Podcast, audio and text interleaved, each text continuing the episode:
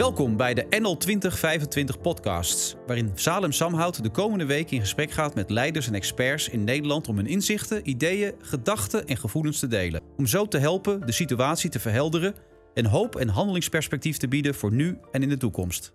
Samen maken we Nederland. Vandaag bij mij te gast Sander Verdonk, eh, founder van New Amsterdam Film Company. Sander, hoe wordt jouw sector geraakt door de coronacrisis? Ja, uh, onze sector wordt op verschillende manieren geraakt. Uh, ik, uh, we, ons bedrijf is een beetje een hybride bedrijf. Dus we maken films in opdracht, met name reclamefilms voor ja. merken. En we, we maken films voor eigen rekening. Ja. Onderwerpen, ideeën van makers die we interessant of relevant vinden. Um, en eigenlijk worden beide kanten heel hard geraakt. Ja. aan de ene kant merk je natuurlijk is gewoon het simpele feit dat we eigenlijk niet kunnen filmen. We kunnen niet gewoon voor een camera uh, intieme scènes draaien. We langzaam maar zeker kunnen we een beetje achter de camera de, de technische mensen samen laten werken. Uh, gelukkig hebben we nu eindelijk ook weer wat van dat soort projecten kunnen doen. Maar de intimiteit, of het nou huilen is of troosten, ja, dat is toch lastig op anderhalve meter. En het voelt ook een beetje onrealistisch. En de angst is ook heel erg of het heel gedateerd is tegen de tijd dat we klaar zijn. Ja. Dus je hebt wel wat inhakers gehad vanuit de reclame, maar relatief uh, weinig wat uh, anticipeert op een wereld na corona. Ook omdat niemand weet wanneer dat dan eindelijk zal zijn. Dus dat raakt eigenlijk het tweede probleem aan, naast het puur simpele fysieke productieprobleem. Uh, is gewoon dat heel veel opdrachtgevers ook zoiets hebben van ja, we wachten even. Ja. Pas op de plaats, we weten niet helemaal waar we naartoe gaan. Hoe ga je daarmee om als ondernemer? Ja, je probeert. Uh, ja, volgens mij is het toverwoord in beweging. Of beweging. Uh, ja. Dus proberen na te denken wat je wel kan doen. Uh, en gelukkig, doordat we een, enigszins differentiatie in het bedrijf hebben, is we hebben denkwerk. Dus voor de merken ontwikkelen ook campagnes, strategie. Nou, dat kan relatief goed doorgaan op, op afstand. Dat, dat we daar meer aandacht aan besteed. Uh, aan de autonome kant uh, scripts ontwikkelen, verhalen ontwikkelen. Dat kan relatief goed op afstand. Financieren, mits het semi-overheid is, gaat ook nog goed. Ja. Dus private of, uh, of marktgeld is heel ingewikkeld geworden. en wat wij nog als derde probleem hebben, eigenlijk aanhaakt op je eerste vraag, is dat wij onze afzet ineens kwijt zijn. Dus de bioscopen zijn, ja, zijn sinds gisteren open, maar op beperkte capaciteit. En zelfs als ze een volledige capaciteit binnen coronatijdperk gaan, gaan ze op 25% van hun maximale capaciteit. Dus het mag wel 100 man in, maar de zaal moet 400 stoelen hebben om 100 man te kunnen hebben. Maar moet je dan al niet uh, je bedrijf uh, wat kleiner gaan maken? Oh. Ja, het is tweeledig. Ik denk dat er, er is altijd vraag naar content. Ja, Iedereen zit thuis zich helemaal gek te bingen op de Netflix uh, en, en de. Amazons.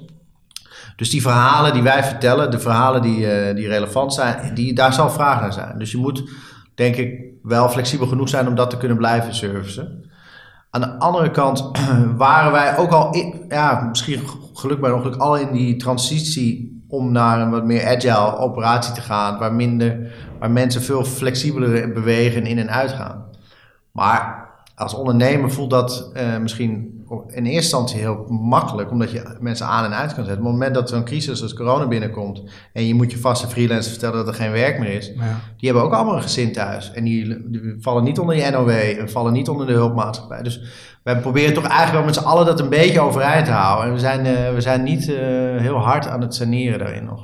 Dus uh, jij gelooft nog wat dat betreft in de solidariteit, omdat je denkt als de groei weer komt, dan gaat die solidariteit zich weer uitbetalen. Ja, ik heb die mensen allemaal weer nodig. Dat weet ik zeker. En, uh, en, en de, onze industrie, de, de film- en media- en reclame-industrie, is zo klein ook. Dat je, je komt elkaar altijd weer tegen. Dus het is heel belangrijk om elkaar uh, te steunen. Je hoopt ook dat anderen dat bij jou doen. Weet je? Ik kan ook niet alle rekeningen meer zo snel betalen. Uh, dus, dus je hoopt dat iedereen op die manier een beetje met elkaar die schouders onderzet. En om eerlijk te zijn, dat lijkt toch over het leeuwendeel wel te gebeuren. Ah, mooi om te horen. Ja, ja, ja. Maak jij, uh, welke rol wil jij zelf vervullen in deze fase? Um, ja, nou, ik ben een geboren optimist. Uh, um, maar ik wilde de, het risico van het virus niet onderschatten. Uh, en ik merkte dat heel veel mensen echt bang waren. Ook heel veel van mijn collega's. En dus ik wil een veilige plek creëren waarin, eh, waarin vertrouwen is dat, we uit, dat dit goed komt. Weet je? En dat niet uit een soort blind eh, optimisme, maar gewoon proberen tools en elementen aan te reiken waarvan je denkt, ah ja, hier kunnen we wat mee. En, eh, en ja, en het belangrijkste daarin is, is toch proberen je mensen bij elkaar te houden. Wat heel ingewikkeld is. Dus al in de eerste week ben ik het land ingereden met, met 50 bossen bloemen in mijn achterbak. Ja. En ik ben letterlijk naar Eindhoven en naar Ja. Alsmeer en weet ik veel, school gereden. Ja. Om iedereen een bosje bloemen te geven. Ah, voor het feit dat ze thuis...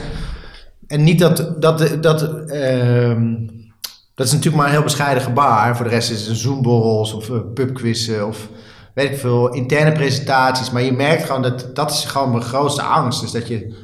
Sommige mensen vinden het eigenlijk wel lekker dat ze elkaar niet zoveel zien, weet je wel. En, Ja. eh, en nou ja, voor mij hoef je echt niet iedere dag over de vloer te komen. Maar dat informele contact, dat, dat zou, dat, daar ben ik het meest bang voor. Dat we dat kwijt zijn voor een langere tijd. Als ik jou eh, zo hoor als ondernemer, eh, nou ben je optimistisch, ben je positief.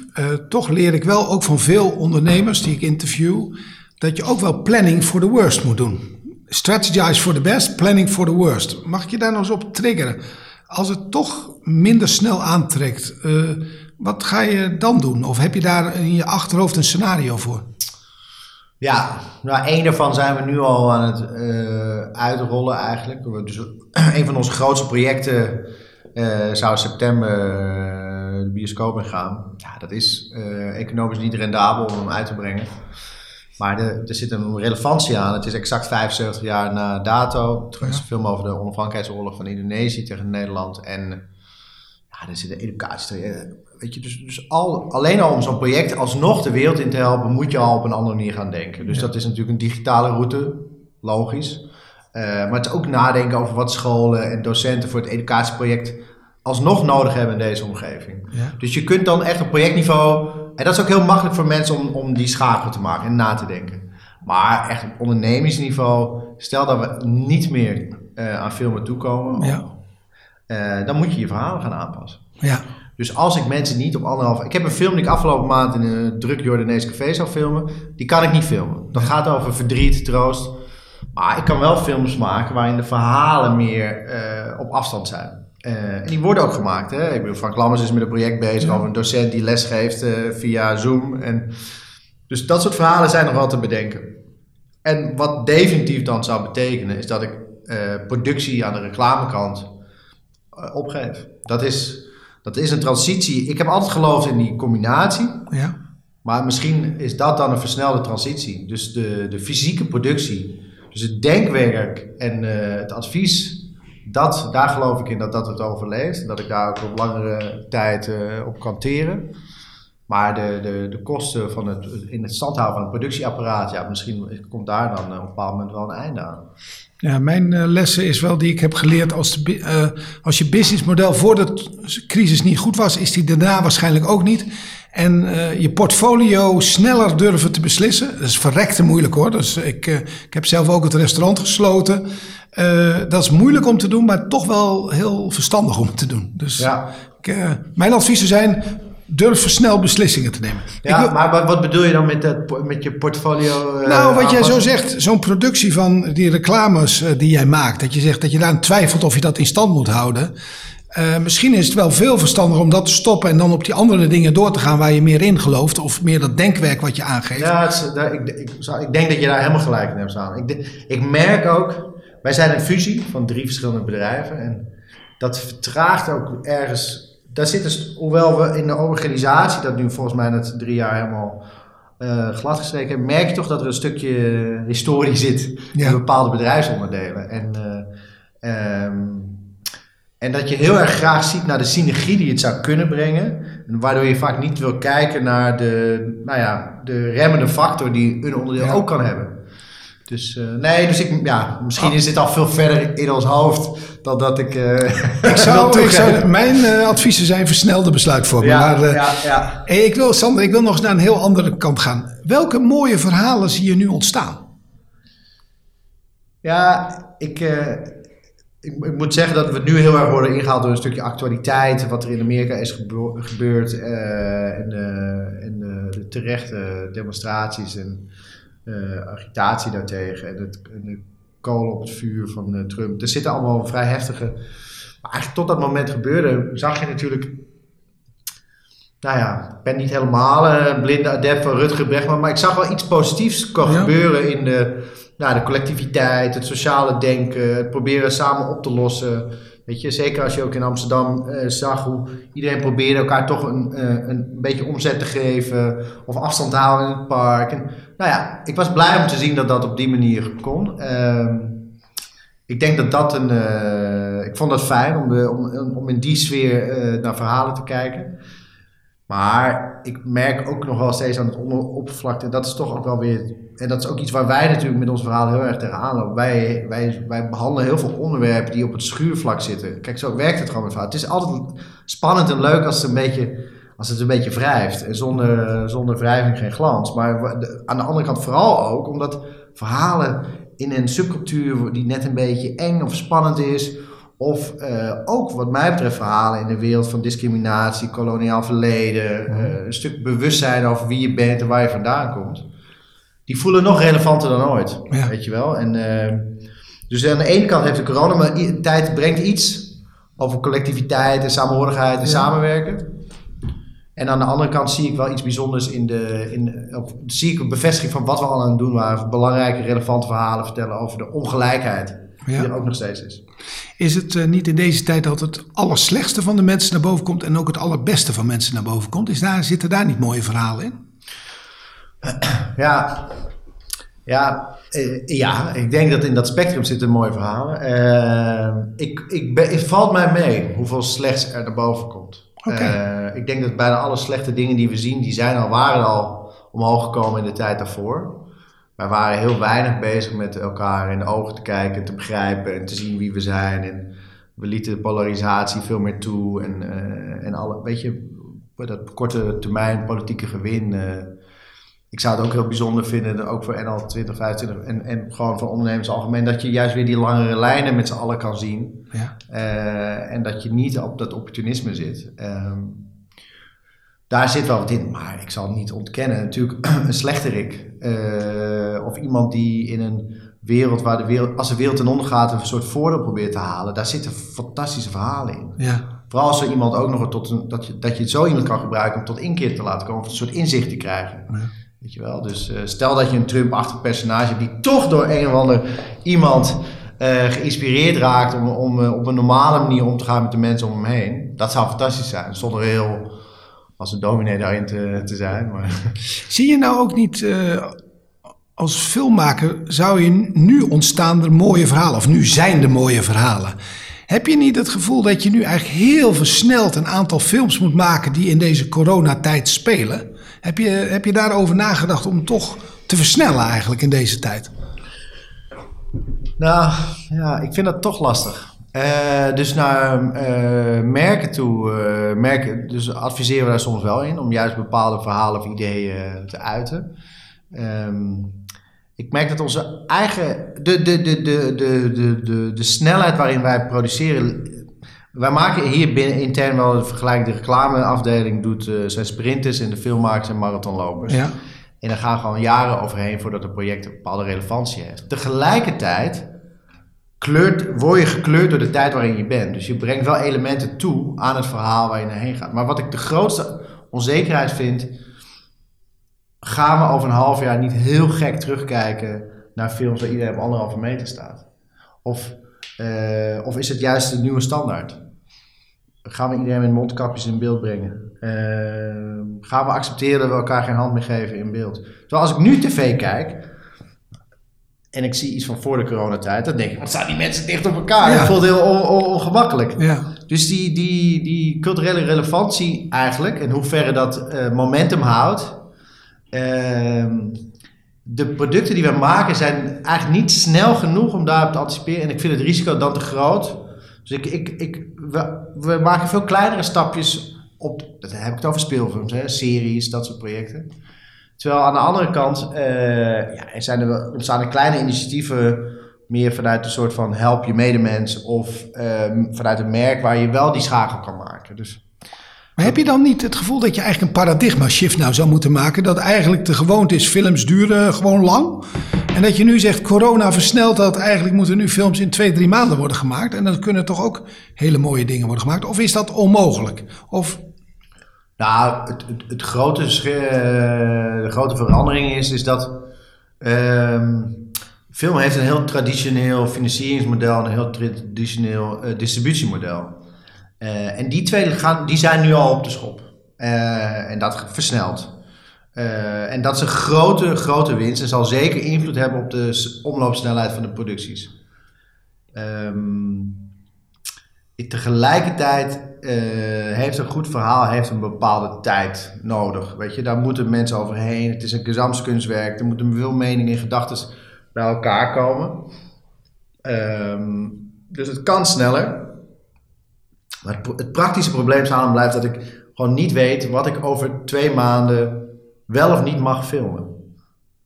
Dus, dus, dus ik, ik, ik heb, wij hebben heel veel projecten nu klaarstaan. Het is Ja. in heel Nederland is het een soort trechter. Ja, ja, ja. Weet je wel? Want straks is er ook al die freelancers, want iedereen in de filmindustrie is freelance, zitten thuis te wachten en in één keer willen we straks allemaal gaan filmen, als het kan. Als er een pre-test kan worden, of als er een vaccin is. Of, nou ja, en dat zie je, die, je ziet het nu een beetje opbouwen al met juli, augustus. Wij, dus of- officieel is het nog niet zo, maar wij als filmmakers weten zeker dat we in augustus met z'n allen weer full, full steam ahead kunnen. En wat zou je nu al kunnen doen eigenlijk in deze tijd? Want het- nu is het ook, nou de wereld staat op zijn kop. Eigenlijk is het meest interessant om nu te filmen eigenlijk. Want er is een, een crisis, het is een oorlogssituatie. Ja. Eh, en oorlog wil je zien, zeg maar. Elk moment, zeg maar, leert CNN ons. En toch zeg jij, nee, we wachten nu een paar maanden nog, want we weten niet of het dan relevant is, zeg maar. Nou, kijk, we, we- wij maken heel veel verschillende producten. Dus echt speelfilms eh, met een paar drama-element erin. eh, waar dat, wat er al in zat en nu gefilmd zou worden,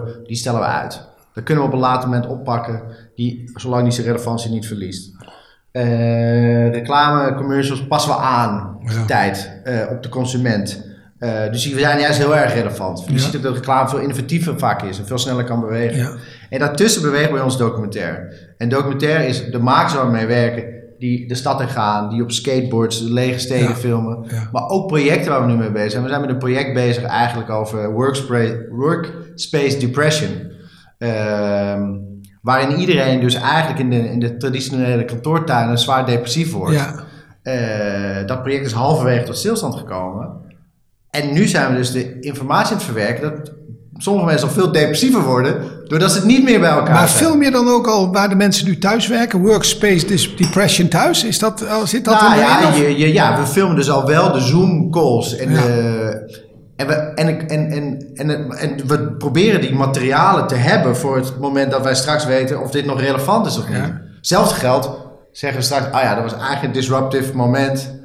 Wat ik niet geloof. Ik denk dat het echt een, een langere, eh, een langdurige invloed heeft. Zelfs als het, als het virus weg is, als corona weg is, dat we nog steeds bewuster omgaan met waar en wanneer we werken.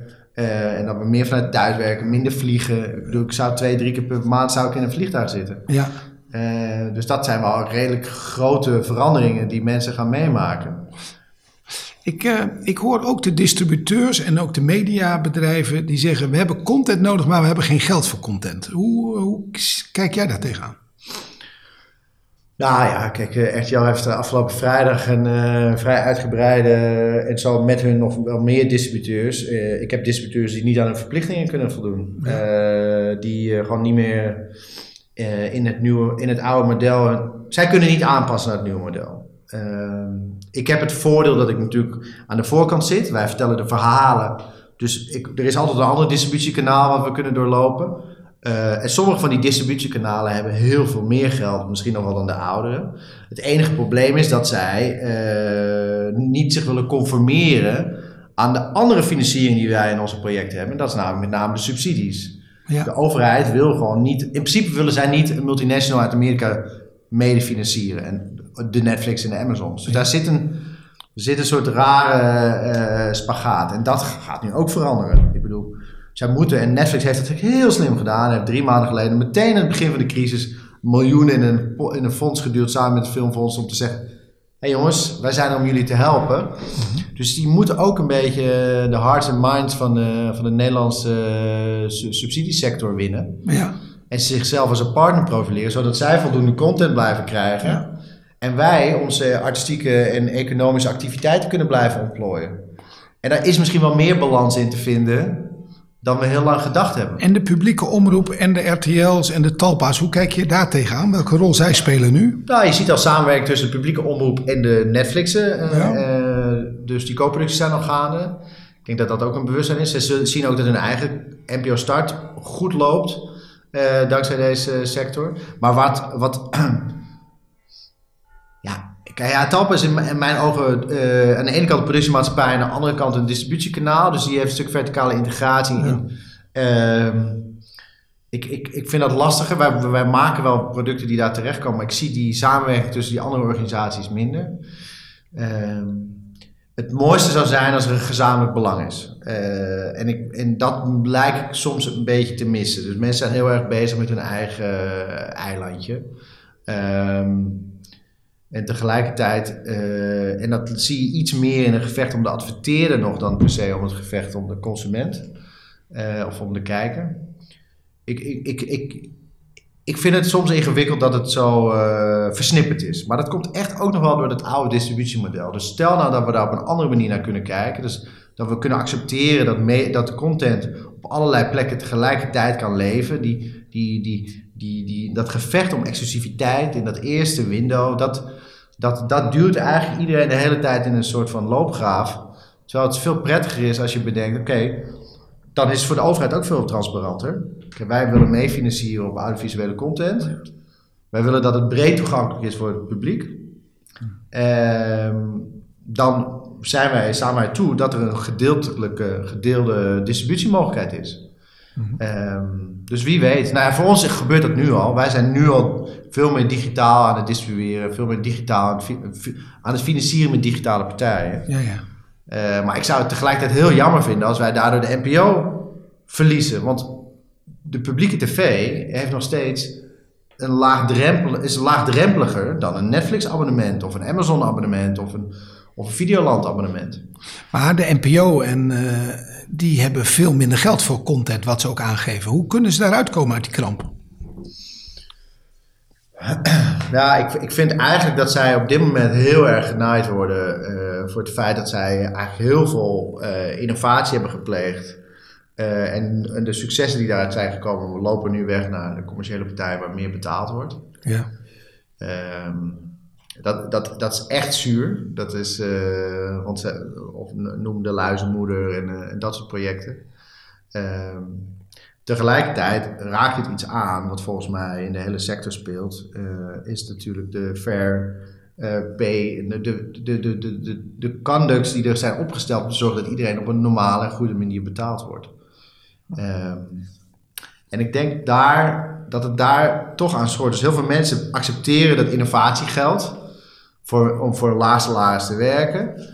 En op het moment dat het succesvol is, willen ze dat toch een beetje op zich, zich eigen maken. En daar een beetje.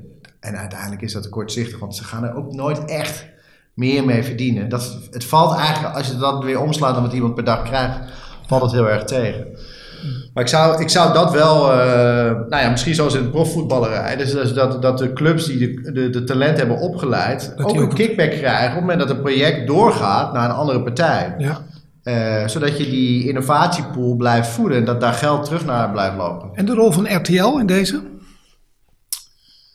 Ehm, ja, ja, ik heb daar niet per se een, een, een, een, oordeel over in zoverre dat... Kijk, ik snap wel dat je als... eh, kijk, RTL doet een paar dingen op dit moment heel goed. Hè. Zij zijn nu zelf ook in de innovatie gegaan. Ze hebben ontwikkelingslabs zijn ze aan het aangaan voor jonge makers. Eh, ze duiken eigenlijk in een gat waar de NPO zichzelf ook en de omroep elkaar heel vaak toch wel bevocht op onderdelen waarvan je denkt, ja jongens, als jullie nou als één zijn, want al die fantastische ontwikkelingslabs voor jonge makers, die zijn langzaam maar zeker aan het afsterven. En Videoland en RTL duiken nu in dat gat, dus ik denk dat dat heel goed is. Ik snap tegelijkertijd ook dat zij alles in hun macht doen om de blockbusters van deze wereld, de, de kijkcijferhits, naar zich toe te halen eh, in de strijd om te overleven. Ehm, Zouden zij daar, ja, zouden zij daar een morele plicht nog in hebben? Ja, ik vind dat ingewikkeld. Ik denk niet dat dat aan RTL is, nee. Ik vind dat de makers en de mensen die die keuze uiteindelijk maken, Maar persoonlijk ook de juristen. Ik vraag me ook nog steeds af, hoe kan het eigenlijk dat iets wat daar ontwikkeld is, zo over kan naar de concurrent? Ja, dat is inderdaad heel vreemd, dat klopt. hey, uh, dit is de medialandschap. Nu nog even naar de merken toe. Wat zie je bij bedrijven? Wat verwacht je? Verwacht je innovatie in hun merkcommunicatie de komende maanden? Uh, nou, ik, uh, ik, ik schrik er wel een beetje van hoe uh, beperkt dat is eigenlijk. Ik, ik zie vooral bezuinigingen en ik zie vooral het constant aanpassen van budgetten voor Q3, Q4 ja. en 21. En eigenlijk op geen enkele manier nadenken over waar zit nou echt mijn toekomst. Er zijn een paar positieve uitzonderingen hoor. Ik, weet, ik bedoel, we doen veel voor Vodafone, Ziggo en maar ja, die draaien relatief door, weet je wel. Dus dan is het misschien ook makkelijk praten. Maar die hebben ook goed echt innovatiemanagers zitten. Die, die proberen daar actief over na te denken. Um, maar over het algemeen is het gewoon de, echt een hele primaire reactie van... Ik uh, trek mijn broekriem aan, ik ga op mijn geld zitten en ik zit het wel even uit, deze storm. En dan gaan we wel weer even nadenken. Terwijl eigenlijk een ideaal moment zou zijn om inderdaad proberen te anticiperen. Waar gaat die wereld naartoe? En wat zijn dan de keuzes die uh, onze consumenten straks gaan maken. En hoe gaan zij. Wat ik nu natuurlijk fascinerend vind, is dat iedereen is online aan het shoppen en online aan het kijken. In iedere vuilniscontainer uh, in Amsterdam, daar staat altijd zo'n berg troep omheen. Want ze kunnen het niet weggestouwd krijgen. Uh, ik hoor van mijn vriend, ik haat het zelf, mijn vriendin die shopt heel veel online, dat het nog nooit zo'n slechte bezorgratio is geweest. Dus dat ja. zoveel dingen niet aankomen. En, uh, dus eigenlijk zijn we er dus komen, we worden heel hard geconfronteerd dat die keten nog niet functioneert zoals die zou moeten. Ja. En ik zie dan toch heel weinig initiatieven van mensen die veel retail doen om op een andere manier je producten uh, te distribueren. Ja. Want wie ik wel goed zijn werk zie doen, zijn alle Deliveroo's en Ubers. Kunnen die niet ook weer een pakketje mee terugnemen? Ja. Of een, uh, weet je, dus die, die distributienetwerken worden dus toch zo weinig aan elkaar gekoppeld. Ik zie zoveel maar dat zal nu wel versnellen waarschijnlijk. Ja, zeker, zeker, zeker. Maar wie neemt het initiatief? Dat zijn toch die tussenpartijen. Dus de, natuurlijk zitten er wel wat retailers zoals de Picnics en zo die, die, die het slim doen en die misschien net voor de golf zaten. En wij werken voor de Giro bijvoorbeeld. Nou, die kunnen de, de klanten niet aan. Die hebben een klantenstop. Dus iedereen zit thuis maar online te beleggen. Ja. Dus uh, er gebeuren interessante dingen in de markt waardoor je kan concluderen dat er echt wel een versnelde innovatie gaande is. Sander, nog uh, laatste vraag. Als jij nu een verhaal zou mogen maken over deze tijd, dus ik spreek je nu aan als de verhalenverteller. Uh, welk verhaal zou je vertellen wat waar we nu in zitten? Maak eens een, in een minuut een mooie storyline. Uh, waar zitten we nu in en waar gaan we naartoe? Nou ja, misschien moet ik het een, moet ik het een persoonlijk verhaal maken. Dus ik kan niet wachten tot de grens van Frankrijk weer open gaat. Ik, eh, ik, heb mijn hart verloren aan het land. Ik, eh, ik vind het heerlijk. Ik wil lekker uiteten, goed eten, aan zee, op plekken waar mensen met een bepaalde nou, plezier in het leven staan. Dus ik vertelde mijn uh, vriendin, ik zei nou, 15 juni zit ik in de auto en ik ben de eerste die de grens overgaat. Ja. En uh, ik ga daar gewoon lunchen of misschien nog ergens een dagje slapen. Toen zei ze, nou, ik, om eerlijk te zijn, uh, ik vind autorijden ook nog eens leuk. Ja. Maar om nou met twee kleine kinderen op en neer te crossen voor lunch in Frankrijk is misschien een beetje overdreven. Maar misschien moet je Gerard meenemen. Gerard is uh, als buurman, 75 plus. Wat aan de eenzame kant, maar echt een hele lieve Amsterdamse oud-loodgieter. Uh, die fantastische verhalen heeft. En ook heel veel verhalen heeft over zijn reizen vroeger, voordat zijn vrouw overleden was. En de wereld uh, overging met een campertje. En, dus ik heb hem gisteren gevraagd of hij met mij, met mij in die auto wil naar Frankrijk. Om uh, als eerste door de barricades te rijden. En Parijs. En hij had nog een plek in Normandië. En ik dacht, ik ga nog iemand opzoeken in de Elsass. We maken gewoon een kleine tour van twee, drie dagen. En ik kan daar op een hele fijne manier naar uitkijken. En ik zie een, een prachtige roadmovie daarin. Prachtig. Uh, waarin je ja, met elkaar, en moet ik dan die doos met, uh, met uh, maskertjes meenemen, weet je wel. Ja. Hij loopt het liefst in zijn blote bast. Dus hoe ja. ga ik dat dan doen? Moet ik al die restaurants in Frankrijk van tevoren reserveren? Ja. Of kan ik gewoon naar binnen lopen? Of uh, hoe gaan we dat aan? En uh, kan ik hem, moet ik hem dan juist een beetje onder controle zien te houden? Hem gewoon heel los laten gaan. Ja. En, uh, en hij is ook nog hartpatiënt. Dus het is ook wel risico. Ik, moet ook, ik heb ook met zijn zoon contact gehad over de pillen die ik mee moet nemen. En, ja. maar ik dacht wel, ja, weet je, dat zijn dat zijn wel waar het om gaat. Ik wil gewoon mijn medemens een plek geven en, en liefde geven. Maar ik wil vooral ook eh, mijn eigen eh, eh, behoeftes bevredigen. En dat is gewoon ook de wereld in. Reizen, mensen ontmoeten, lekker eten, inspiratie opdoen. Dus, nou, dat Wat een uh, mooi verhaal, Sander. Dit, dit zal ik uh, in mijn volgende podcast aan iedereen gaan vragen welk verhaal zij kon, kunnen construeren in deze tijd. En misschien komen daar wel hele mooie verhaalideeën uit. En uh, misschien moeten we die dan wel samen gaan maken, eigenlijk. Als, samen gaan vastleggen. Als een omnibus. Ja, als een omnibus, zeg maar. Ja, goed idee. Nou, dus, leuk. Hey, heb je nog een laatste opmerking die je wil meegeven voor alle makers van mooie content voor deze periode? Nou ja, kijk, jij, ik merk dat jij daar in jouw vragen ook terecht uh, naar zat uh, te vissen. En, ik betrap me er ook op doordenken dat misschien dat ik ook al wat te ver boven de werkvloer soms kom. Want eigenlijk is wat ik zou willen zeggen aan de makers is, uh, kijk om je heen en zie wat er gebeurt. En integreer dat in, in wat je wil maken. En voor sommige kunstenaars die, die alleen wat verf nodig hebben, is het misschien makkelijker. Maar tegenwoordig is film en tv zo gedemocratiseerd dus je kunt gewoon uh, die mensen uh, filmen. Je kunt zo'n verzorgingshuis bespreken. Ik bedoel, het was een fantastisch initiatief van uh, die regisseur Laske, die met die frontberichten natuurlijk bijzondere tv ja. heeft gemaakt. Nou ja, daar zitten, ik denk dat we daar dichterbij zitten, inderdaad. En, en ik waardeer dat je dat ook zo bij mij hebt gevraagd, Want, want dat is eigenlijk wat ik ook terug zou geven aan alle makers met wie we werken. We houden, houden tijdsgeest vast, en, en, maar anticiperen ook op het feit dat het straks weer anders wordt. Ja, voor mij is dat deze periode de kans om paradigma's te doorbreken. En doe het sneller en, uh, dan dat je normaal gewend bent. Niet meer terug verlangen naar het oude, maar te verlangen naar het nieuwe eigenlijk. Dat is een beetje mijn boodschap aan iedereen. Ja. Dus uh, dankjewel voor het mooie verhaal en uh, ja, je inzichten. Dankjewel Sander. Graag gedaan. Dankjewel. NL 2025 is een diverse beweging waar honderden aanjagers vanuit onder andere het bedrijfsleven, kunst en cultuur, media, sport, onderwijs en wetenschap zich op persoonlijke titel inzetten voor een mooiere toekomst voor Nederland, voor de huidige en toekomstige generaties. En dat doen we vanuit het pay it forward principe. Ik doe iets voor jou en dan geef jij het weer door aan iemand anders.